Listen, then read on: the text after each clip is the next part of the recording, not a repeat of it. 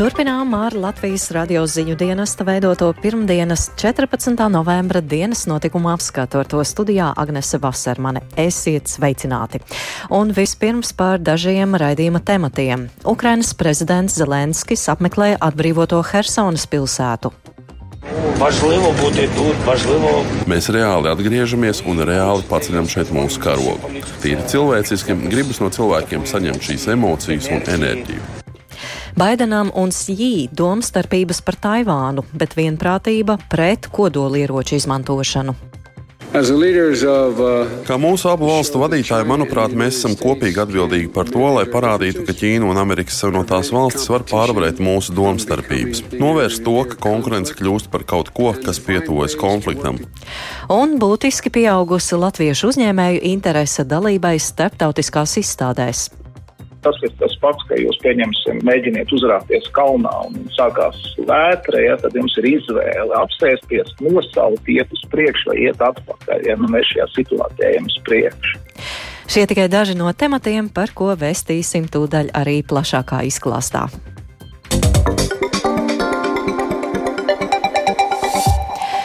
Ukrainu interesē miers visā valsts teritorijā, bet citu valstu teritorija to neinteresē. Tā šodien paziņojas Ukrainas prezidents Volodimirs Zelenskis, kurš bija ieradies vizītē nulle atbrīvotajā Hersonas pilsētā. Zelenskis atzina, ka šī kara cena ir ļoti augsta, ir daudz bojā gājušo un ievainoto, un Krievijas spēki sagrābto nevēloties atdot. Atbildot uz žurnālistu jautājumu, kāpēc prezidents ieradies Hersonā, Zelenskis pajokoja, ka pēc slavenajiem Helsonas arbūziem. Vienlaikus viņš atzinis, ka, lai arī šāda viesošanās ir riskanta, tā ir nozīmīga gan vietējiem iedzīvotājiem, gan viņam pašam. Важливо бути тут, важливо всі ж ризикують. Ir svarīgi būt šeit, lai arī visi riskē. Militāra personas riskē, žurnālisti riskē. Jūs taču arī esat šeit un stāstāt par Hersonu. Manuprāt, ir svarīgi būt šeit Hersonā, lai atbalstītu iedzīvotājus un lai viņi redzētu, ka mēs ne tikai par šādu atbrīvošanu runājam, bet mēs reāli to arī darām. Mēs reāli atgriežamies un reāli paceļam šeit mūsu karogu. Un vēl tīri cilvēciski gribas no cilvēkiem saņemt šīs emocijas un enerģiju. Tas ir ļoti svarīgi un tas motivē. Vēl šogad Eiropas Savienības sāks Ukrainas armijas apmācības misiju.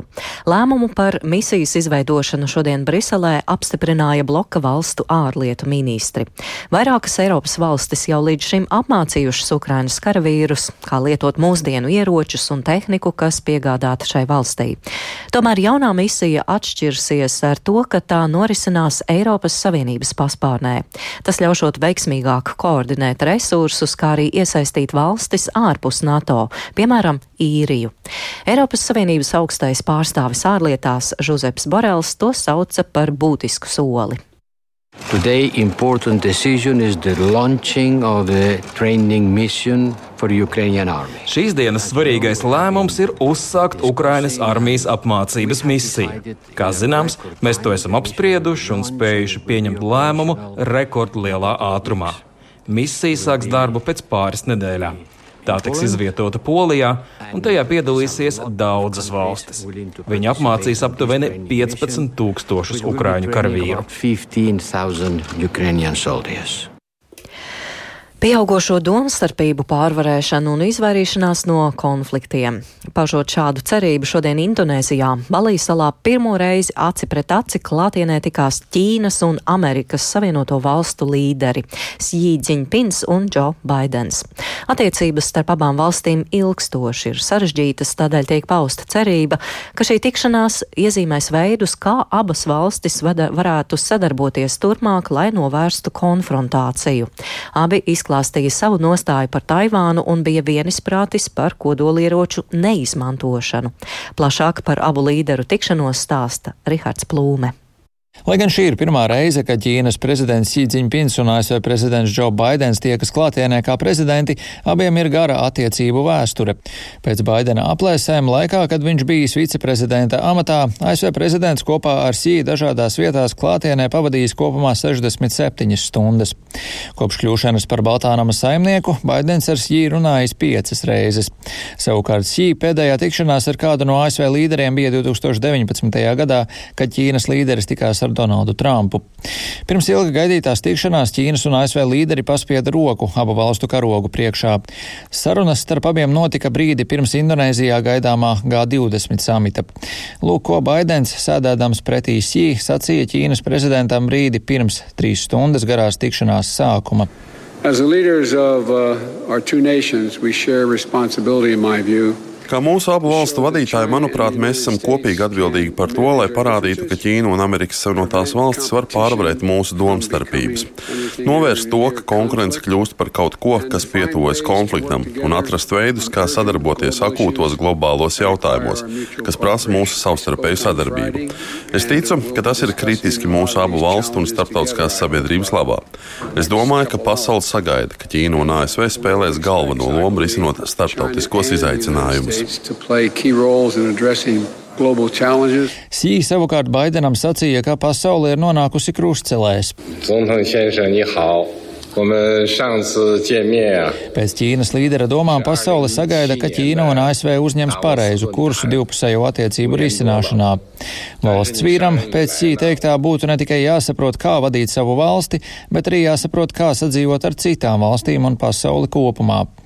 Visjūtīgākais jautājums ir Taivāna. ASV ir pastiprinājušas atbalstu Taivānai, savukārt Ķīna ir pastiprinājusi savus draudus pārņemt kontroli pār salu. ASV uz Ķīnu raugās arī ar cerībām, proti, ka Pekina varētu savaldīt savu sabiedroto Ziemeļkoreju. Tāpat Savienotās valstis ir ieinteresētas, lai Pekina izdarītu aktīvāku spiedienu uz Maskavu. Ķīna pēc abu līderu tikšanās izplatītā paziņojumā norādījusi, ka Sī Baidenam sacījis, ka pašreizējos apstākļos Ķīnai un ASV ir vairāk, nevis mazāk kopīgu interešu, piebilstot, ka Pekina necenšas izaicināt ASV vai mainīt esošo starptautisko kārtību. Paziņojumā arī norādīts, ka Sī paudis Ķīnas lielās raizes par pašreizējo situāciju Ukrainā. Tāpat Ķīnas līderis aicinājis Baidenu nepārkāpt Pekinas sarkano līniju pār Taivānas salu. Tikmēr Baltais nams pēc tikšanās paziņojis, ka Baltā nama saimnieks izteicis iebildumus pret Ķīnas arvien agresīvāku rīcību pret Taivānu un uzsvēris, ka Ķīnas agresīvā rīcība pret to apdraud mieru. Baidens netic, ka Ķīnai būtu nenovēršami plāni iebrukt Taivānā. Baidens arī norādījis sī, ka Vašingtona turpinās enerģiski konkurēt ar Ķīnu, taču šī konkurence nedrīkst izraisīt konfliktu. Abi prezidenti bijuši vienisprātis par to, ka kodolieročiem nekad nevajadzētu tikt izmantotiem, tostarp Ukrainā.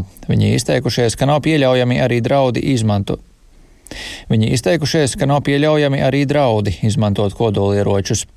Baidens pēc tikšanās atzina, ka ASV nemeklē konfrontāciju ar Ķīnu, abu līderu saruna bijusi atklāta un Sī esot gatavs kompromisiem.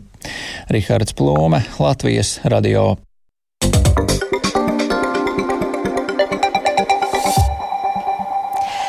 Latvijā ir būtiski pieaugusi uzņēmēju interese dalībai starptautiskās izstādēs, un to veicina divi faktori - pandēmijas izraisītās krīzes sekas un Krievijas sāktais karš Ukrainā. Vēl viens veicinošs faktors ir valsts atbalsta apjomu palielinājums dalībai starptautiskās izstādēs no 50 līdz 80 procentiem.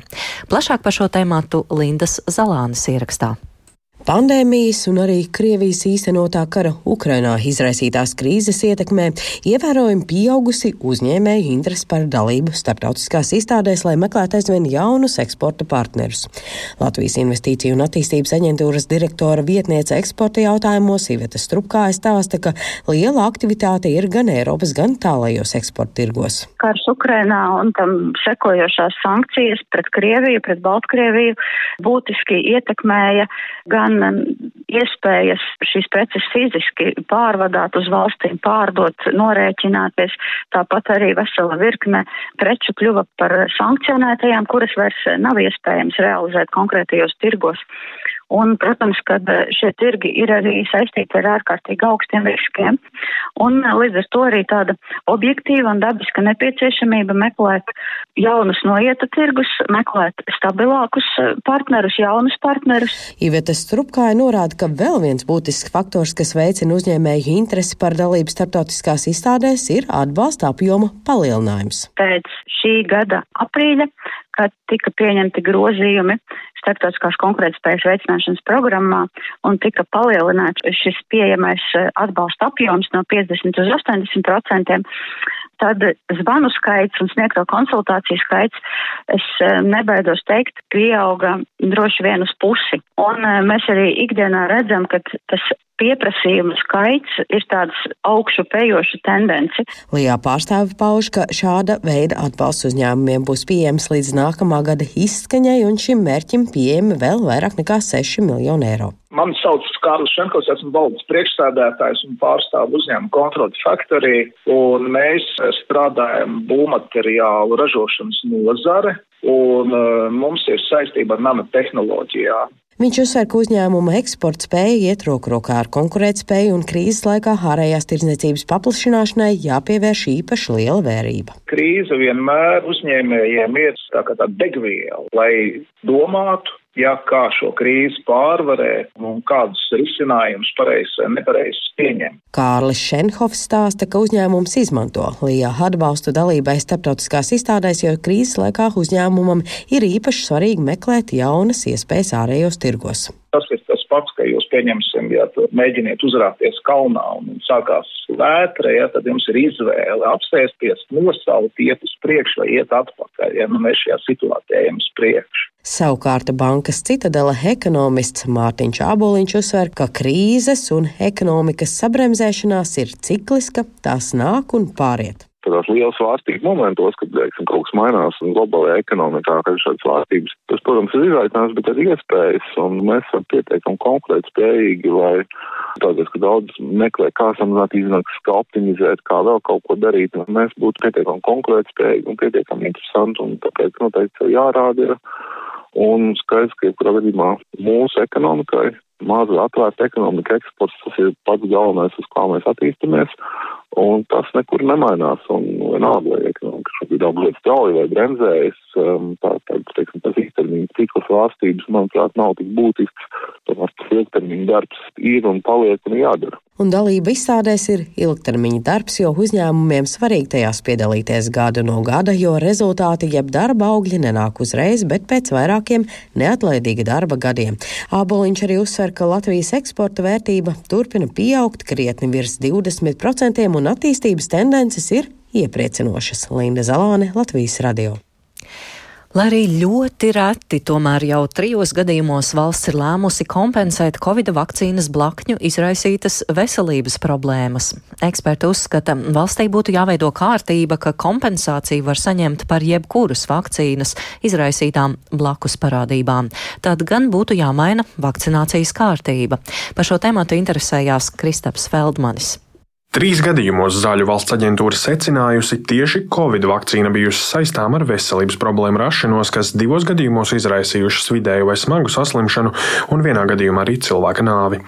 Imunizācijas valsts padomas priekšsādātāja Dace Zavācka esošo kārtību, kurā par Covid-19 vakcīnas iespējamām sakām valsts uzņems atbildību, vērtē atzinīgi, taču jāsaprot, ka vakcinācija kā tāda ir sabiedrības interesēs, tādēļ solījums atlīdzināt sekas valstī būtu jāsniedz arī attiecībā pret citām vakcīnām vakcīnām, stāsta Zavacka. Par šādām retām blaknēm būtu tikai godīgi, ja šī kompensācijas sistēma būtu pieejama jebkuram cilvēkam, jebkurā vecumā pēc jebkuras vakcīnas, jo pagaidām viņi ir tikai saistībā ar Covid-19 vakcīnām.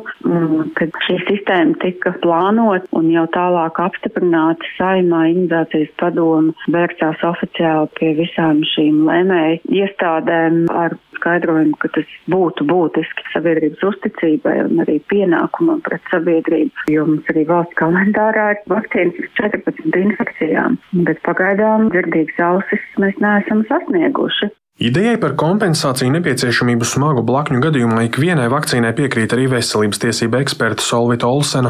Viņa gan uzskata, ja šāda kārtība tiktu ieviesta, tas būtu jādara kopā arī ar plašāku vakcinācijas sistēmas maiņu. Ir lietas, kas mums būtu jāpārskata un jāpaskatās, vai mums ir, piemēram, jāregulē precīzāk. Jo faktiski, piemēram, valstīs, kur kompensācija tiek paredzēta, tur vairāk arī tiek prasīts, lai veids vakcināciju jo vakcinācija ir mūsu kopējās sabiedrības veselības aizsardzības pasākums, un tā kompensācija par smagajām blaknēm ir daļa no tās sistēmiskās sabiedrības veselības aizsardzības Proti, izvērtējot, pret kurām infekciju slimībām vakcinējoties sabiedrībai būtu lielākie kopējie iegūmi, nepieciešamības saņemt šīs vakcīnas varētu tikt noteikti stingrāk, un tādā gadījumā būtu nepieciešama arī kompensāciju sistēma. Arī Veselības ministrijas farmācijas departamenta vadītāja Inese Kaupera iespējamas kompensācijas saist ar konkrētās vakcīnas obligātumu. Proti, Covid vakcīnu gadījumā kompensācijas tiek piešķirtas tieši tādēļ, ka tās sabiedrības veselības vārdā cilvēkiem bija teju obligātas. Valsts noteica, ka iedzīvotājiem ir pienākums vakcinēties un nosakot šo pienākumu, valsts uzņemās kaitējumu atlīdzināšanu. Pacients tātad nevērtē ne iegūmus, ne riskus. Pacientam tas ir jādara obligāti, pārējām nav obligāti. Kauperi uzsvēra, ir valstis, kurās ir citi vakcinācijas principi, proti atsevišķas potes ir stingrāk noteiktas. Latvijā tā nav, taču gadījumā, ja šāda kārtība tiktu ieviesta, tad gan arī Latvija varētu domāt par plašākām kompensācijas sistēmām. Kauperē gan šobrīd nesot informācijas, ka kas tāds tiktu plānots. Tāpat viņa atgādināja, jau šobrīd iedzīvotāji individuāli var vērsties pie konkrētās vakcīnas ražotāja ar prasībām gadījumā, ja rodas aizdomas, ka kādas veselības problēmas radušās tieši potes dēļ. Kristaps Feldmanis, Latvijas radio. Thank you. Drīzumā izbeigs 17 reliģisko organizāciju darbību Latvijā, jo tās nav iesniegušas ikgadējos darbības pārskatus. Šāds pamatojums darbības izbeigšanai ir pirmo reizi. Tomēr, ja reliģiskā organizācija juridiski vairs nedarbojas, tas neliedz biedriem sanākt kopā un paust savu reliģisko pārliecību. Par to, kas var izbeigt reliģisko organizāciju darbību un vai ar to viss patiešām beidzas, plašāk Lindas Spundiņas ierakstā. Latvijā ir aptuveni pusotras tūkstotis reliģisko organizāciju. To skaits gadu īpaši nemainās. Tomēr pagājušajā mēnesī uzņēmuma reģistrs pieņēma lēmumu izbeigt 17 reliģisko organizāciju darbību, jo nav iesniegts to ikgadējais darba pārskats. Tieslietu ministrija secina, ka visticamāk organizācijas faktiski nedarbojas. Ministrijas nozara politikas departamenta direktora Olga Zēla neatklāja, kas ir šīs organizācijas nav beidzies vēl tas termiņš, kad reliģiskas organizācijas var apstrīdēt lēmumu par darbības izbeigšanu. Līdz ar to tās vēl pagaidām nav izpildāmas. Tik līdz tas termiņš beigsies, nu, tad droši vien arī varēs redzēt reģistrā ierakstus attiecīgo organizāciju nosaukumiem. Bet līdz tam jūs neatklājat šos nosaukumus? Nu, es nezinu, cik tas būtu korekti šobrīd runāt par to, jo regulējums ir salīdzinoši jauks mēs esam izdarījuši tā kā likums ir paredzējis, proti divas reizes reliģiskas organizācijas, kuras nav iesniegušas pārskatu par savu darbību, brīdinājuši par to. Mēs esam mēģinājuši ar tām sazināties un noteikt jaunu termiņu pārskata iesniegšanai. Organizācijas to nav izdarījušas, līdz ar to ir arī lūgts reģistram pieņemt šādu lēmumu. Ministrija vien skaidro, ka organizācijas ir dažādas un atšķiras to dibināšanas laiks, kādas nesen reģistrētas, citas ļoti sen. Lēmuma apstrīdēšanas termiņš beidzas ceturtdien. Vēl var izbeigt organizāciju darbību, ja tās nav sasniedzamas savā juridiskajā adresē, kā arī, ja ilgāk par pusgadu tām nav vadības. Šoreiz pirmo reizi organizācija darbību pārtrauc neiesniegtu pārskatu dēļ.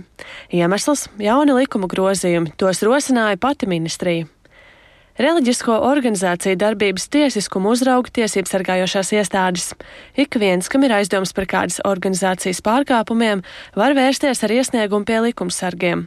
Tad, ja pārkāpumi apstiprinās un to arī atzīs tiesa, reliģisko organizāciju darbība tiek izbeigta. To var darīt tiesā vēršoties, piemēram, ģenerāla prokurors, ja reliģiska organizācija piemēram, ar savu darbību, mācību apdraud demokrātisko valsts iekārtu, valsts drošību sabiedrības drošību, piemēram, sabiedrības kārtību, citu personu veselību, likumību. Jāatgādina, ka pērn tiesā vērsās ģenerāla prokurors ar prasību par evaņģēlisko kristiešu baznīcas jaunā paaudzes darbības izbeigšanu. Prokuratūra veiktajā pārbaudē konstatēja, ka organizācija nemazāk kā sešas reizes pandēmijas ierobežojuma laikā rīkoja publiskus pasākumus, neraugoties uz to, ka par šādiem pārkāpumiem tai piemēroja administratīvos sodus. Jāpiemina, ka līdz tiesas spriedumam organizācijas var turpināt savu darbu. Savukārt, ja tiek pārtrauktas kādas organizācijas darbība, tā neviens neliedz turpināt paust savus uzskatus. Tā reliģiskas organizācijas reģistrācija nelegalizē kādu reliģijas brīvības paušanas formu. Proti, iedzīvotāji ir brīvi paust savu reliģisko pārliecību arī bez reliģiskas organizācijas dibināšanas. Vienīgais, izveidojot reliģisku organizāciju kā juridisko personu, rodas iespēja tieši šim subjektam piedalīties cilvēciskajā apritē, uzņemties saistības, pildīt pienākumus, kas tādējādi varbūt kaut kādos aspektos atvieglo Bet uh, dievkalpojumus jau vai, vai cilvēks var pievērsties savai reliģiskai pārliecībai viens vai kopā ar citiem arī bez reliģiskas organizācijas dibināšanas. Reliģisko organizāciju likums paredz, ka katrs cilvēks ir tiesīgs dibināt tikai vienu reliģisko organizāciju. Tomēr tas neliedz, piemēram, citiem draudzes locekļiem no jauna dibināt organizāciju. Linda Spundiņa, Latvijas radio. Teātris bija nevis viņa dzīve, bet dzīvība. Šī ir viena no atziņām lasāma nulle izdotajā Lijas Guļevskas grāmatā Mihails Kublīnskis Lielais noslēpums. Drīz apritēs trīs gadi, kopš izcilais režisors devās mūžībā, un grāmata ir piemiņa viņa spilgtajam devumam mūsu teātra mākslā. Grāmatā par Mihailu Kublīnski atmiņās dalās viņa kolēģi un laika biedri, mēģinot atklāt viņa kā mākslinieka un viņa kā cilvēka noslēpumu. Cik lielā mērā mērā tas ir izdevies, par to plašāk Baibas Kušķis ierakstā. Un vienīgais, ar ko es varu pateikt paldies, tas ir ar savu darbu uz šīs svētās skatuves. Tā 60 gadu jubilejas reizē radio intervijā teica pats Mihails Kublinskis, un runa, protams, bija par Nacionālā teātra skatuvi. Ar to viņš saistīts kopš 17 gadu vecuma, kad Nacionālajā teātrī sāka strādāt kā mebeļnieks, rekvizītors. Pēc kāda laika viņš jau kā aktieris sāka piedalīties masu skatos, tad sekoja vadošās lomas, bet izmācījās viņš par režisoru, pats atzīstot, ka viņam ir pārāk neatkarīgs raksturs, lai būtu aktieris. Viņam piemita īpaša spēja atvērt talantus un pagriezt tos negaidītā virzienā. Viens no viņiem bija arī Mārcis Maņakovs, kuram arī pieder ideja par grāmatu, un to rakstīt viņš uzrunāja Liju Guļevsku. Paliek grāmata, paliek filma. Nu, kaut kam ir jāpaliek. Teātris izrādes tās izgaist. Pirmā ir Ritas Melnacis milzīgi liels tāds opus ja, par viņa darbu. Un tad sākās tās atmiņas jau no jaunības diedām. Tad ir Jānis Streičs, Andrejs Migla, Aina Matīsa, kura bija viņa kursa biedri, un Anna Klēver ļoti smuki pateica, ka teātris īstenībā bija viņa nevis dzīve, bet dzīvība. Lijai Guļevskai jautāja, vai grāmatas nosaukums Mihails Kublīnskis lielais noslēpums nozīmē noslēpuma atšķetināšanu vai gluži otrādi. Tā ir atslēga, bet viņi neatslēgsies līdz galam. Viņš tiešām turēja sevi noslēpumā. Pats režisors kādā radio intervijā atzīst, ka visu mūžu vislielākā cīņa viņam bijusi pašam ar sevi. Viņš pats sev radījis vislielākos šķēršļus un konfliktus, bet vienmēr viņā ļoti dzīva bijusi arī vēlme būt labākam. Es mēģinu panākt ar aktieriem, ar to burvīgo, to trauslo un labi skaņoto instrumentu, ko es saucu par aktieriem, ka man patīk viņus uzstīgot. Ja? Man patīk vilināt no viņiem akordus ārā, vilināt neparastas melodijas ārā. Un aktieri grib to, viņi grib būt labāki. Grāmatas vāka dizainā izmantota leģendārā teātra fotogrāfa Laimoņa Stīpnieka fotografija, kurā Mihails Kublīnskis redzams ar viņam ļoti tipisku žestu, kas arī spilgti raksturo viņa būtību. Baiba Kušķe, Latvijas radio.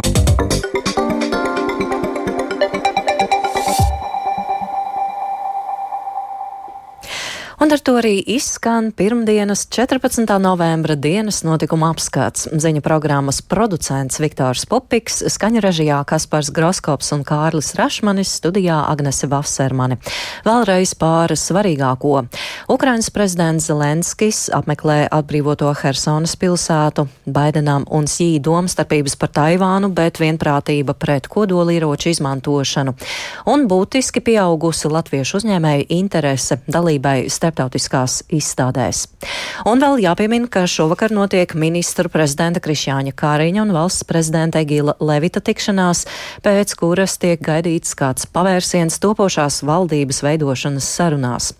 Iepriekš tika lēsts, ka tiksim pie jaunas valdības līdz valsts svētkiem 18. novembrim, taču šobrīd izskatās, ka līdz tam laikam varētu būt nevis jauna valdība Latvijā, bet tikai lielāka skaidrība, kā šī valdība veidojas.